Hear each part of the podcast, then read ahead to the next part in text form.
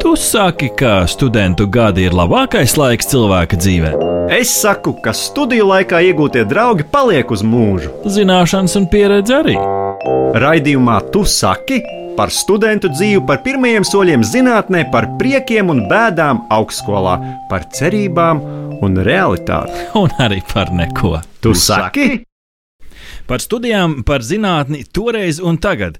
Jaunā unikālā Latvijas Universitātes un radionāba raidījumā Tu saki, kopā ar dinamisko duo Ahti un Riču, jeb Arti un Rihardu šeit Radio Nabas Viļņos.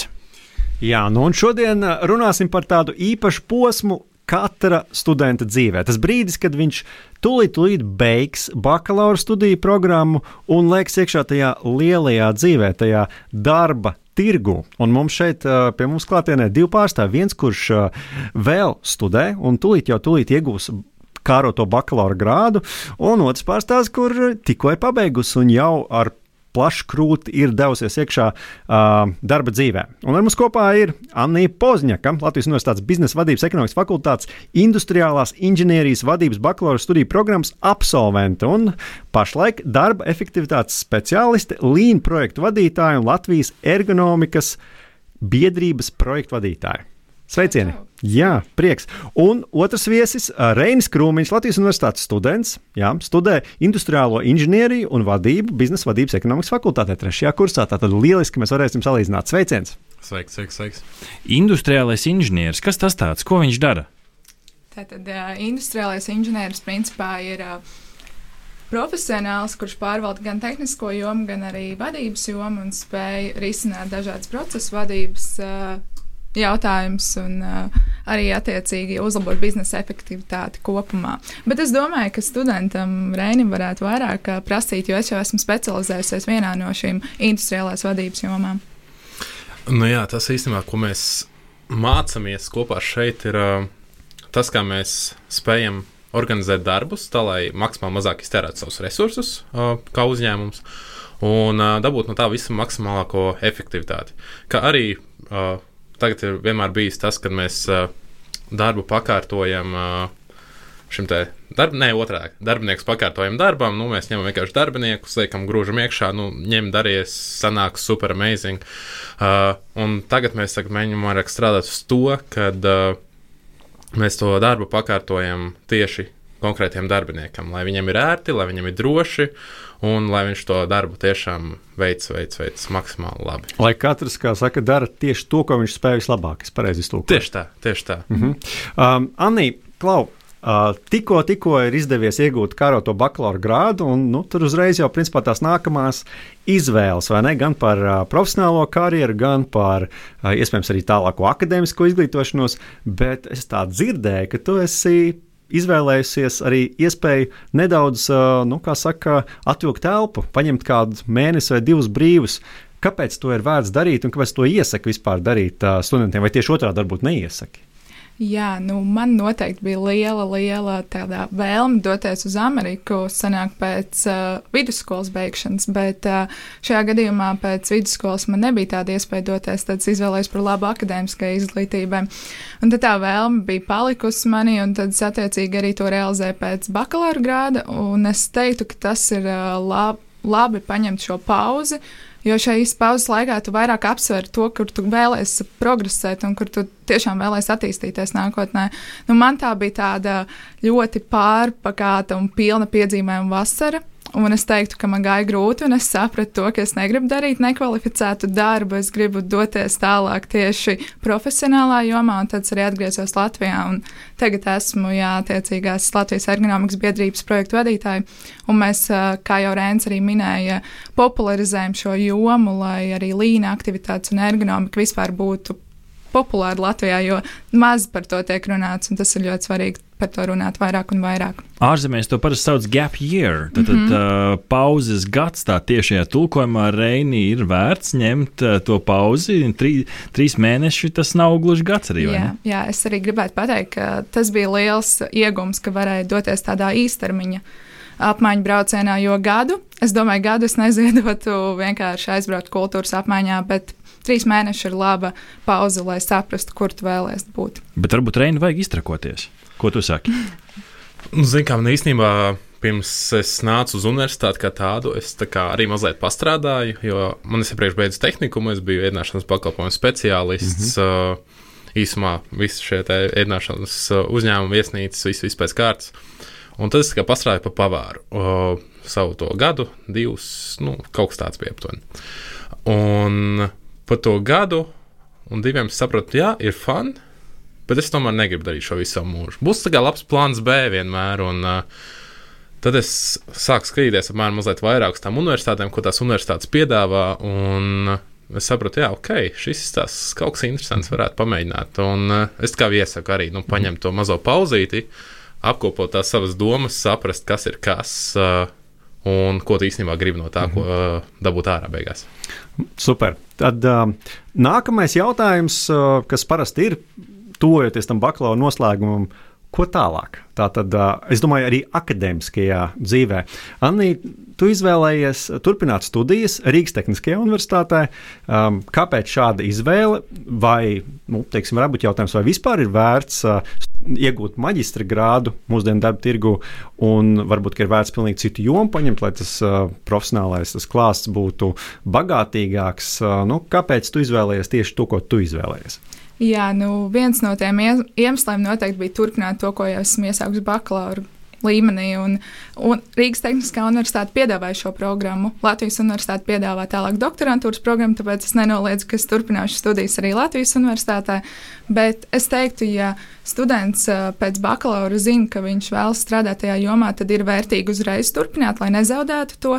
Jo es redzu, kā maniem studiju biedriem iet grūti, viņiem ir pāri 30 un vēl vairāk, un viņi ļoti cīnās, lai visu sakārtot tā, lai viņiem ir laiks arī studijām. Tāpēc es ieteiktu pēc iespējas ātrāk iziet tos posmus, jo mācīties var vienmēr, un arī nekad tas nebeidzas. Tāpēc ir vajadzīgs pēc iespējas ātrāk saprast to specialitāti, un tad piemācīties vienmēr atradīs iespēju. Reina dažkārt par maģistru saka, ka tā, tas ir tāds bakalaura atkārtojums tikai varbūt par vienu pakāpienu augstāk. Ko tu saki par maģistru? Godīgi sakot, man patreiz uz to maģistru es kā, nu, skatos tā mazliet skeptiski. Kāpēc? Um, mazliet, es ne, nav tā kā, varbūt nav tā vēlme, nav tā kā vēl bijusi tā interesētība, bet ja es tā kā ņemtu maģistru, visdrīzāk skatītos kādu blakus jomu, kas, jo man liekas, šis tas, ko es tagad mācos, ir diezgan plašs, plašs, plašs uh, klāsts uh, no ta, to, ko pēc, pēc tam var darīt. Uh, tad uh, varbūt piemācīties kaut ko klāt, lai mazliet tā kā specifiskāk. Mm -hmm. Jā, jā, jā. Kas tev palīdz saprast, kas ir tas, ko tu konkrēti gribi? Jo man šķiet, ka šī ir problēma, kur saskarās ne tikai izvēlēties maģistru, bet arī pēc vidusskolas beigām. Kā nonākt līdz tai izvēlē, kas ir tas mans fokus, tā mana specialitāte? Godīgi sakot, mēģināt. Vienkārši mēģināt uh, kaut kādus darbus, aiziet, uh, atrast uh, labu praksi. Tas būtu vienkārši, man liekas, uh, tāds viens no galvenajiem punktiem, jo, ja tu ņemsi tās prakses, tādas nu, vairāk tikai ķekša pēc, tad nu, pēc tam studijām tu visdrīzāk arī nesapratīsi, kas tas var būt un ka, kas tu gribētu būt. Mm -hmm. Jo nu, tās ķeksīšu prakses, nu, tas ir tādas. Nu, šis ne tās, kā teikt. Par praksi noteikti vēl šodien parunāsim. Es vēl Annijai pajautāšu. Uh, nu, vēl viens veids, kā dažādot savu pieredzi, ir tiešām pamainīt arī augstskolu. Varbūt kādu pievienoto vērtību tu redzi no tā, ka tu Tagad esi arī Rīgas Tehniskās Universitātes uh, students. Vai ir kādas atšķirības studiju procesā, um, kādi ir tie plusi, varbūt arī kāds mīnusiņš? Mm -hmm. uh, nu, es īsti neteiktu, ka es varētu salīdzināt, jo tomēr tās ir divas līmeņa, dažādas mm -hmm. programmas. Es teiktu, ka Rīgas Tehniskā Universitāte piedāvā iespēju uh, darboties uh, diezgan daudz attālināti, bet es šobrīd nezinu, kā ar Latvijas universitātē. Es pieņemu, ka ir līdzīgi. Un uh, tad, ja mēs skatāmies uh, uz to, vai ir jēga pame, pamainīt kaut ko savu universitāšu lokā, tad es teiktu, ka nē, ja ir piedāvājums no universitātes, tad to noteikti var arī uh, turpināt iet pa to pašu universitātes uh, līniju. Nav svarīgi iet uz kādu citu, mēģināt ko jaunu. Jāskatās pēc programmas un uh, satura, ko piedāvā. Nu, manā, manā attiecīgajā izvēlē bija tas industriālais inženieris, jeb ražošanas inženieris, mm -hmm. ļoti nozīmīgs aspekts. Parunāsim par to iespēju uh, padarīt sevi konkurētspējīgāku jau bakalaura studiju laikā. Uh, man liekas, Rēns jau liels pieminēja praksi, vai ne? Uh, pajautāšu um, tev, mm -hmm. Annika, kā tu skaties uz šo, uh, kas bija tavs veiksmes atslēga? Jo tu jau šobrīd esi profesionāls nozarē, vai ne? Uh, kas ir jādara uh, studentam jau studiju laikā, lai savu konkurētspēju celtu? Nu jā, pirmkārt, ir praksa jāizmanto tiešām. Liederīgi. Ir jāskatās, kur var arī savā brīvajā laikā praktizēties. Es biju arī Seibankas jūtlaba praktikante vienā no vasaras, vienā vasarā, jā. Bet es teiktu, ka Lumits, Latvijas Universitātes Microsoft Innovāciju centrs, piedāvā daudz projektus, kuros tu vari atklāt jaunas prasmes, iemācīties daudz ko jaunu. Tāpat arī iemācīties, kā būt tīmlīdam vai vadīt kādu projektu. Uh, Un īstenībā saistībā ar ETU arī ir dažādas starp kā, disciplināras tādas programmas, kurās risina jau reālus keisus no projektu un nu, no biznesa vides. Tas arī ir liederīgi. Un vēl viens aspekts, ko es noteikti gribu teikt, ka ir svarīgi. Uh, piemēram, lekciju laikā bieži vien tiek aicināti lektori, vieslektori. Tad, ja ir interese tajā uzņēmumā vai ar to saistītā jomā, tad pieiet klāt, aprunāties uh, ievākt kontaktinformāciju un tad jau arī tālāk virzīties tālāk. Reini, tu jau esi trešajā kursā, vārds konkurētspēja. Ir kaut kur tev smadzenēs iekšā katru dienu, ej un skaties uz uh, saviem kursabiedriem, kā uz draugiem vai uz nākotnes cilvēkiem, kas varētu atņemt darba vietu. Nē, nē noteikti. Cik kā, kā draugiem. Uh, Jo, nu, zināmā mērā, jebkurā gadījumā kādreiz vajadzēs sastrādāties, un uh, konkurence, nu, tā jau ir vienmēr laba lieta, uh, palielam, ja nav pārāk liela. Bet uh, konkurence, kā tev pašam spēja augt, uh, ļauj augt. Uh, Un, un tev vismaz ir uz ko tiekties. Tā būt bijis labākam par kādu citu, un, vai arī atrast kādu sadarbības partneri. Un tādā ziņā tiešām, nu, skatoties uz kursu biedriem vai vispār uz skolas biedriem kā tādiem, tas tikai, tikai bonus. Ko tu pats šobrīd dari, lai celtu savu konkrētu spēju un uh, spodrināt sevi nākotnes darba devēja acīs? Uh, ko es daru? Uh, Palielam es esmu kursa vecākais, uh, līdz ar to es mēģinu vairāk komunicēt ar saviem tiem uh, kursa biedriem, ar visiem pārējiem kursa vecākiem. Būt vairāk tas mazliet koordinators, bet tā pašā laikā vienmēr mēģinu palīdzēt, uh, ka mēs pilnām kaut kādus mājas darbus, vai sazināmies, jo mums kā, viss ir attālināti. Sazināmies kopā, papildām, uh, tad arī vis, vis, vismaz kaut kāda motivācija ar vismaz pie, pie reizes viss tā kā dod klāt. Kā tu skaties uz visām tām iespējām, ko Annija pieminēja? Nu, tā tad mums ir praksē, mums ir vieslektori, mums ir uh, Latvijas Universitātes šis inovāciju centrs, kurš piedāvā aktivitātes, mums ir biznesa inkubators gal galā fakultātē vai ne. Uh, gal galā ir arī Erasmus studijas un tā tālāk. Cik daudz no taviem kursbiedriem, tu kā kurs vecākais droši vien uh, zini, uh, cik daudz šīs iespējas izmanto, vai tās ir pietiekami daudz piedāvātas, vai tās ir īstās, ko studenti šobrīd sagaida? Um, kāds tas vērtējums? Man liekas, studenti neizmanto tās iespējas tik uh, plaši, cik viņas īstenībā ir. Kāpēc?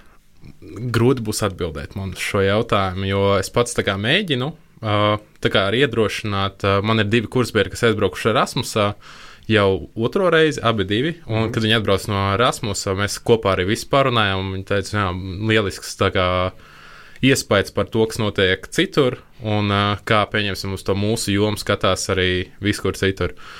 Protams, kontakti, kontakti, kontakti. Tas ir vienmēr bijis tāds uh, liels, liels, liels, liels, liels bonusiņš. Anī, šobrīd tu jau esi nu, teikt, ar vienu to solīti uz priekšu. Kā tu uz šo pašu jautājumu atbildētu, jau varbūt nedaudz tādu atpakaļ skatu? Es teiktu, ka studenti varbūt nemeklē tik ļoti, un tās mārketinga aktivitātes no to projektu puses ir diezgan vecmodīgas, tāpēc viņi arī neatrod. Ko vajadzētu darīt, lai tās būtu mūsdienīgas? Es domāju, ka vajadzētu vairāk sadarboties varbūt ar tādiem cilvēkiem, ar kuriem, no, nu, kuriem seko kaut kādos sociālos tīklos. Vai, tādi kā Latvijas universitātes vai vienalga, kurš universitātes influenceri iekšējie? Nu, piemēram, ir tādi, protams, atceros, ka bija arī viens. Uh, ārzemju puisis, kurš dabūja Latvijas universitātes diplomu, un tad bija liels, tā kā, liela, liela tā kā, kā lai pasaka, tāda kā lai pasakā, kas pat nevar. Reklāma, ažiotāža. Nu, ne reklāma, bet jā, ažiotāža, jā, par mm -hmm. to, ka rekur mums ir. Uh, izmācījies students, kurš ir no citas tautības, un viņš ir jau latviešu runājošs un mm. vispārējais. Bet es domāju, ka nu, jā, ir svarīgi meklēt pašam, jo es diezgan daudz laika pavadīju savā brīvajā laikā, lai atrastu tās iespējas. Es nezinu, varbūt ar draugiem tik bieži tikties, un tad, uh, tas arī noteikti ietekmē to, mm -hmm. kā tu menedžē laiku savu. Droši vien tas arī tomēr ietekmē tavu nākotnes karjeru. Nu, svarīgi ir arī ar draugiem mm -hmm. pabūt kopā, jo Protams. tie iespējams arī tavi nākotnes kolēģi un sadarbības partneri. Bet, uh, jā, nu, jautājums, Anī, vēl. Nu, teiksim, tev izdevās izbaudīt daudz mm -hmm. iespēju, vai ne, ko studiju laikā universitāte piedāvā. Vai tās ir tās uh, lietas, ko arī darba devējs novērtē tajā brīdī, kad mm -hmm. tu ar savu CV, motivāciju mm -hmm. un uh, savu personību dodies pie uh, viņa? Jā, nu, tām iespējām, jeb uh, tai CV ir jābūt kvalitatīvai, ne tik kvantitatīvai. Nu, piemēram, manā gadījumā ir bijuši diezgan daudz projektu, tad ir jāsaprot, kur fokusēties, kur likt uzsvaru. Erasmus studijas novērtē. Noteikti starptautiskā vidē tas ir ļoti augsta pievienotā vērtība tām studijām. Pati arī, es, pati arī esmu bijusi Erasmusā, tā kā noteikti, ja ir vēl iespēja Reinim arī iesaku to izmantot. Bet uh, darba devējs novērtē vairāk to, kāds cilvēks, kāda attieksme ir un ko viņš iedos uzņēmumam mm, kā darbinieks. Kā šeit, kādu lomu spēlē tieši praksa? Man šķiet, ka daudzās mm. studiju programmās Riharda praksa ir obligāta, tā ir jāiziet, un tad nu, katrs kā nu atrod gan jau, kur nu kāds pazīstams, un tā tālāk. Es pats nožēlojos nedaudz uz to praksi, skatījos tā viegli prātīgi studiju laikā. Man tur tas nu, pievienotā vērtība pēc tam varēja būt arī noteikti lielāka. Kā jūs skatāties uz praksi? Reini, tev jau ir bijis praksa? Man bija, man bija viena prakse. Uh Tieši šai universitātē bija viena, kas bija tāda mazliet, mazliet ķekša pēc. Uh, bet, nu, Kāpēc tāda arī, izvēle? Bija tikko sācis darbu, un darbā man bija tāds paaugstinājums, bija sācis kā maiņu vadītājs. Līdz ar to man bija tā, ka nu, nevarēja līdz galam. Sanāk, ka tev bija, tev bija studijas, tev bija darbs, un vēl nu, studijas un praksa, viss vis tā kā kopā bija. Viss kopā, jā. Tas taču ir liels izaicinājums. Nu, ko, ko, ko dzīve prasa, tas ir jādara, kā teikt. Uh, Rein, tev kā, kā kursa vecākajam arī jautājums, tu novēro noteikti to situāciju. Tavi kursa biedri, ja viņi strādā, vai viņi strādā nozarē, vai tomēr dara darbus, kas nav īsti saistīti ar nozari? Nu, šī nozara gan, gan plaša, vai ne, bet, Jā. bet jebkurā gadījumā. Kā kurš? Kā kurš? Uh, ir uh, vairāk, kas strādā jau nozarēs, ir, uh, man ir kolēģi, kas strādā šos vēja ģeneratoru apkalpošanā, un ir kolēģi, kas strādā Latvijas finierī. Tā pašā laikā man ir kolēģi, kas strādā Omnivā, kā krāvēji vienkārši, un uh, ir arī kolēģi, kas vienkārši nestrādā. Protams. okay. Es arī skatos, tavā LinkedIn profilā tev ir bijušas vairākas darba vietas. Nu, gan jau, ka vai, tur arī prakses pa vidu ir bijušas. Mm -hmm. Kā tu augies uz praksi, cik daudz tev tās ir noderējušas tālākajā karjerā? Jā, nu, mūsu studiju programmā bija trīs prakses, kas ir ļoti daudz uh, priekšstudiju programmas. Un, uh, Doma bija iet visas prakses vienā vietā, bet uh, kaut kā dzīve pamainījās un lika pieņemt tos lēmumus, ka katra praksa bija savā vietā, bet šīs prakses bija tieši nozarē, un tās man arī nākotnē noteica to iespējamību dabūt darbu nozarē. Tā kā praksa ir ļoti vērtīga. Tu varētu teikt, patīt laiku atpakaļ. Tu ietu atkal tās visas trīs prakses dažādās vietās, vai tomēr mētiecīgi spies uz to vienu vietu? Es noteikti mēģinātu vienā vietā attīstīties, bet tomēr Covid bija tas noteicošais mm -hmm. apstākļus arī studiju laikā. Tā kā nebija liela iespēja tik izvēlēties, kur gribās, vairāk kur tev pieņēma tajā laikā. Tas bija tā. Um, varbūt, ja tu vari atklāt, mm -hmm. kāda bija tava pirmā darba intervija uh, pēc jau bakalaura mm -hmm. grādu iegūšanas. Tas bija kādā no uzņēmumiem, kur jau tu biji bijusi mm -hmm. kā mhm. praktikante, vai tomēr tas bija kaut kas cits? Un uh, kāda tā bija? Kas bija tie jautājumi un kādas bija tavas atbildes? Jā, es, es reāli atceros, tagad arī tieši, mm, tieši atmiņā atgaisa tas viss. Uh, bija, bija atsauce uz iepriekšējo demolas projektu, ko jūs teicat, kur darba devējs bija ar mani kaut kā iepriekš sazinājies, jeb zinājis mani, varbūt ne vārdu ziņā, bet zināja, ka bija tāds projekts, un es tur piedalījos. Tā kā bija jau tas iepriekšējais saskarsmes punkts. Jā, bija saskarsmes punkts. Un uh, tad man jautāja, protams, jautājums par, uh, ko es esmu līdz šim darījusi, kādi ir lielākie sasniegumi šajās darba vietās. Bija nepieciešams skaitļi, jo skaitļi parāda ļoti daudz. Bija arī latviešu valodas tests, un bija arī mājas darbs. Es atceros, ka bija tāds plašs lokus ar nu, informatīvo materiālu, ko pēc tam arī jāizpilda. Reina, kad tu dosies pie sava pirmā darba devēja, ko tu gribētu viņam pajautāt? Pēc bakalaura beigšanas, jo nu, tu iespējams strādā, vai ne? Bet, bet ja tu iesi pie kāda nākamā, kas būtu tas, ko tu pajautātu darba devējiem? Labs jautājums.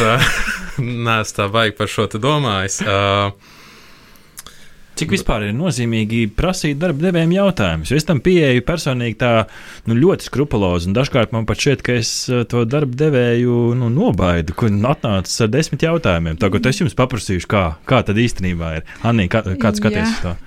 Es skatos, eh, ka tas ir labs, eh, labs, laba praksa tā darīt. Es atnācu uz interviju ar sarakstītiem jautājumiem, ar savu CV un pateicu, ka esmu gatava, esmu gatavojusies, un tas darba devējiem lika noprast, ka es esmu centusies arī darba intervijai gatavoties. Un uzdot jautājumus ir svarīgi, uzdot jautājumus, lai arī viņiem raisās domāšana, arī ir ļoti nozīmīgi. Tā kā es teiktu, varbūt nevajag ieiet intervētāju lomā, bet atbildēt uz jautājumiem un uzdot pretjautājumus ir uh, vērtīgi. Mm -hmm, mm -hmm. Nu, tieši tā. Uh, kā mums eh, laiks uzspēlēt kādu spēli? Ne? Es domāju, ka mēs varam uzspēlēt spēli, ko uh, gan šeit, gan arī Naba rītā un visur citur, kur dinamiskais duo uzstājās, mēs saucam par pārvērtēts, nenovērtēts. Spēles noteikumi pavisam vienkārši. Mēs jums piespēlēsim uh, vārdu kombinācijas, uh, apgal, nu, tas nebūs gluži apgalvojums, jums būs jāizsaka apgalvojums, vai šī lieta, ko mēs nosaucam, vai tā ir pārvērtēta jums, sabiedrībā, vienalga, kā, kā skatāties, vai arī tā ir tomēr nenovērtēta un to vajadzētu nu, tomēr vairāk novērtēt uh, dzīvē un tai piešķirt lielāku nozīmi. Vai viss ir skaidrs? Vai vajag argumentēt? Nu, to mēs paskatīsimies, okay, Rihard, okay. kā mums patiks atbildes, vai ne? Rihard, kas ir pirmais vārds spēlē pārvērtēts, nenovērtēts? Pirmais vārds - atzīmes un eksāmenu vērtējumu. Anī, pārvērtēts vai nenovērtēts? Pārvērtēts. Kāpēc? Nu, noteikti kā atzīmes eh, nenosaka to darba darba devēja izvēli, bet uh, tas ir tikai Latvijā. Ārzemēs īstenībā prasa atzīmju sekmju izrakstus. Es teiktu, pārvērtēts Latvijā, nenovērtēts ārzemēs. Kā tu saki? Es piekritīšu Anijai. Kad ir diezgan pārvērtēts Latvijā, uh, ir īpaši tagad, pēc Covid laikā, jo uh, nu, tās atzīmes nevienmēr tiek iegūtas ļoti, ļoti labā veidā, teiksim tā, ka nu, mazliet, mazliet tā izmanto tādus visādus blakus līdzekļus. Uh, kas tev spēj sasniegt mazliet augstāku mhm. vērtējumu, mm -hmm. kas nu, neļauj tev izprast tam darba devējiem, kāds īstenībā tu esi. Tā tad nav ko ķert stresu, galvenais ir tā izpratne, vai ne? Es Jā, tā es tā rindām. Ja? Nu, tas Anī ir piekrīt? atkarīgs no individa. Man ir atzīmes vēl joprojām svarīgas arī studējot, jo, ja darba devējs redz kaut kādas atzīmes uh, augstākas, viņi redz arī to centību, tavu ieguldījumu, kā nākotnē darbā varbūt strādāsi. Tāpēc es uzskatu, pārvērtēts kopumā, bet uh, nav, ne, nav novērtēts, ja tas ir personīgi iemeslu dēļ svarīgi. Mm -hmm. Zinām, indikācija tas uh, droši vien par personību iedod. Ar kas ir nākamais vārds? Nākamais vārds ir kaut kas interesants, kam mēs vēl nepieskārāmies. Mēs runājam par praksi, bet uh, nākamā vārda kombinācija ir samaksa prakses darba laikā. Tātad nevis vienkārši tu aizēji iegūst pieredzi, bet tev arī kaut ko par to samaksā. Reini aiziet! Es teiktu, nenovērtēts uh, starp darba devējiem. Labi, Anija. Piekrītu, nenovērtēts. Nenovērtēts. Rihard, kā tev šķiet, jāmaksā? Nu, droši vien tajā brīdī, kad uh, darbinieks dod pievienoto vērtību, kas pārsniedz ieguldījumu viņā, es domāju, ka noteikti jāmaksā. Vai jūs, uh, vai jūs uh, nu, šodienas acīm un tas, ko jūs tikko pateicāt, vai jūs tomēr apsvērt iespēju strādāt bez maksas praksē, un kas būtu tas nosacījums, pie kura tomēr jūs strādājat, arī ja nebūtu alga?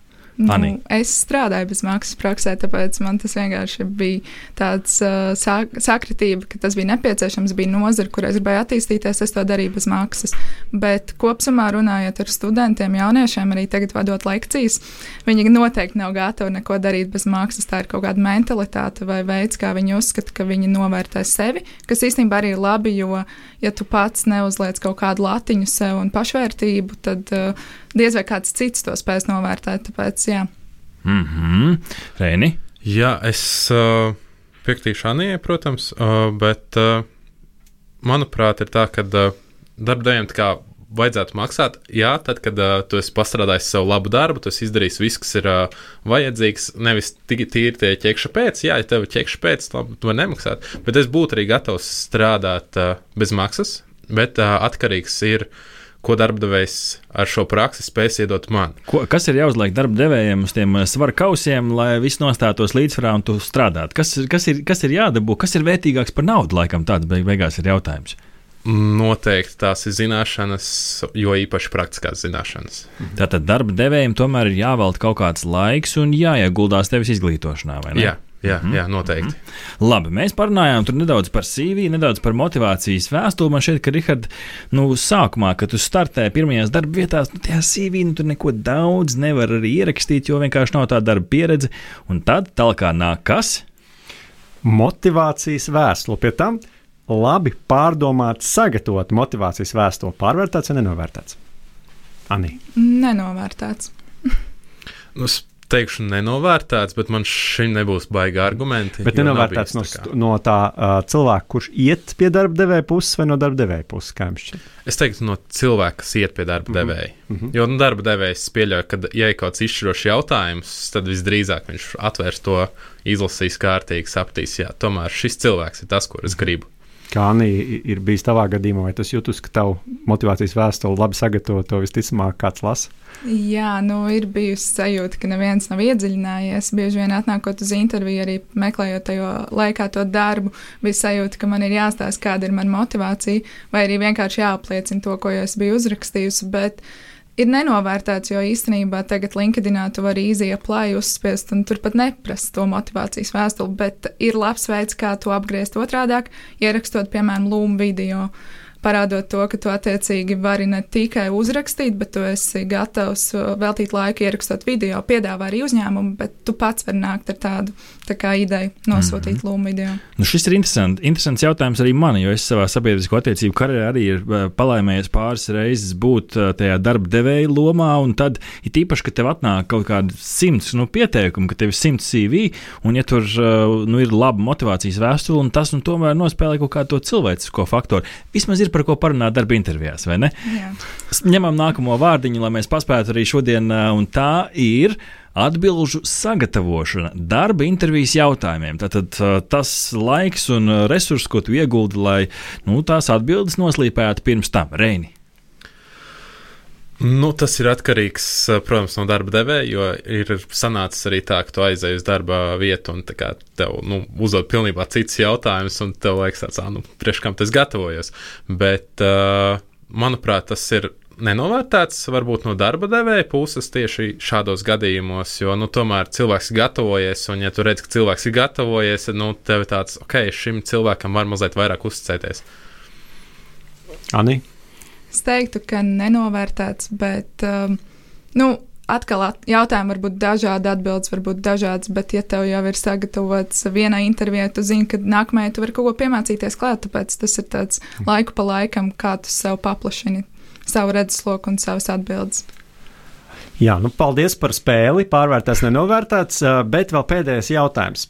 Nu, sabiedrībā tomēr cirkulē tāds uzskats, ka nu, tie, kas iet mācīties to ekonomiku, vadību, tie jau ir nolemti bezdarbam.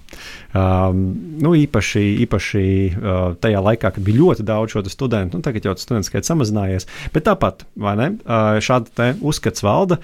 Apgāziet lūdzu to, kāpēc mācīties ekonomiku un vadību patiesībā ir ļoti vērtīgi.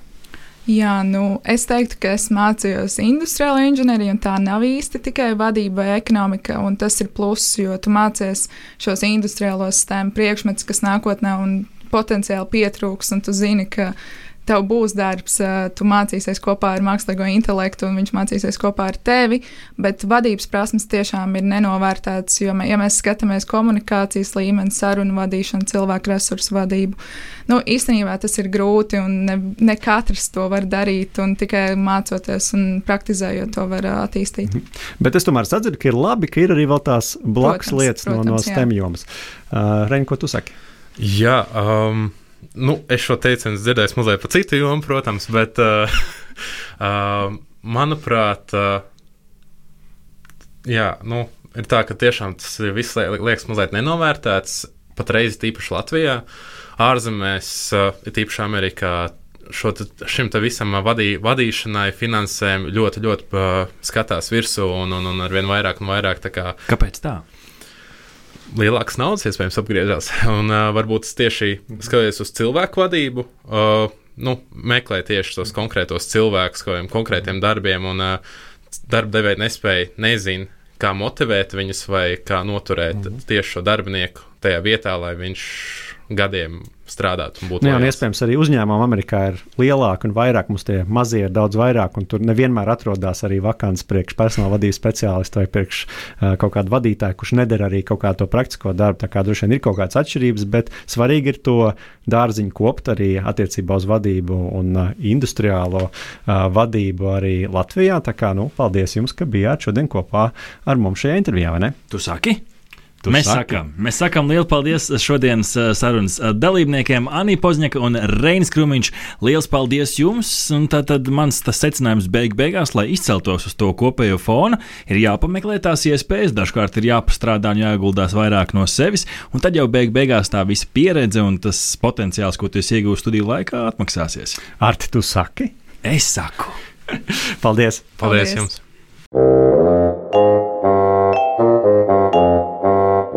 Saki, ka studentu gadi ir labākais laiks cilvēka dzīvē. Es saku, ka studiju laikā iegūtie draugi paliek uz mūžu. Zināšanas un pieredze arī. Raidījumā Tu saki par studentu dzīvi, par pirmajiem soļiem zinātnē, par priekiem un bēdām augstskolā, par cerībām un realitāti. Un arī par neko. Tu saki?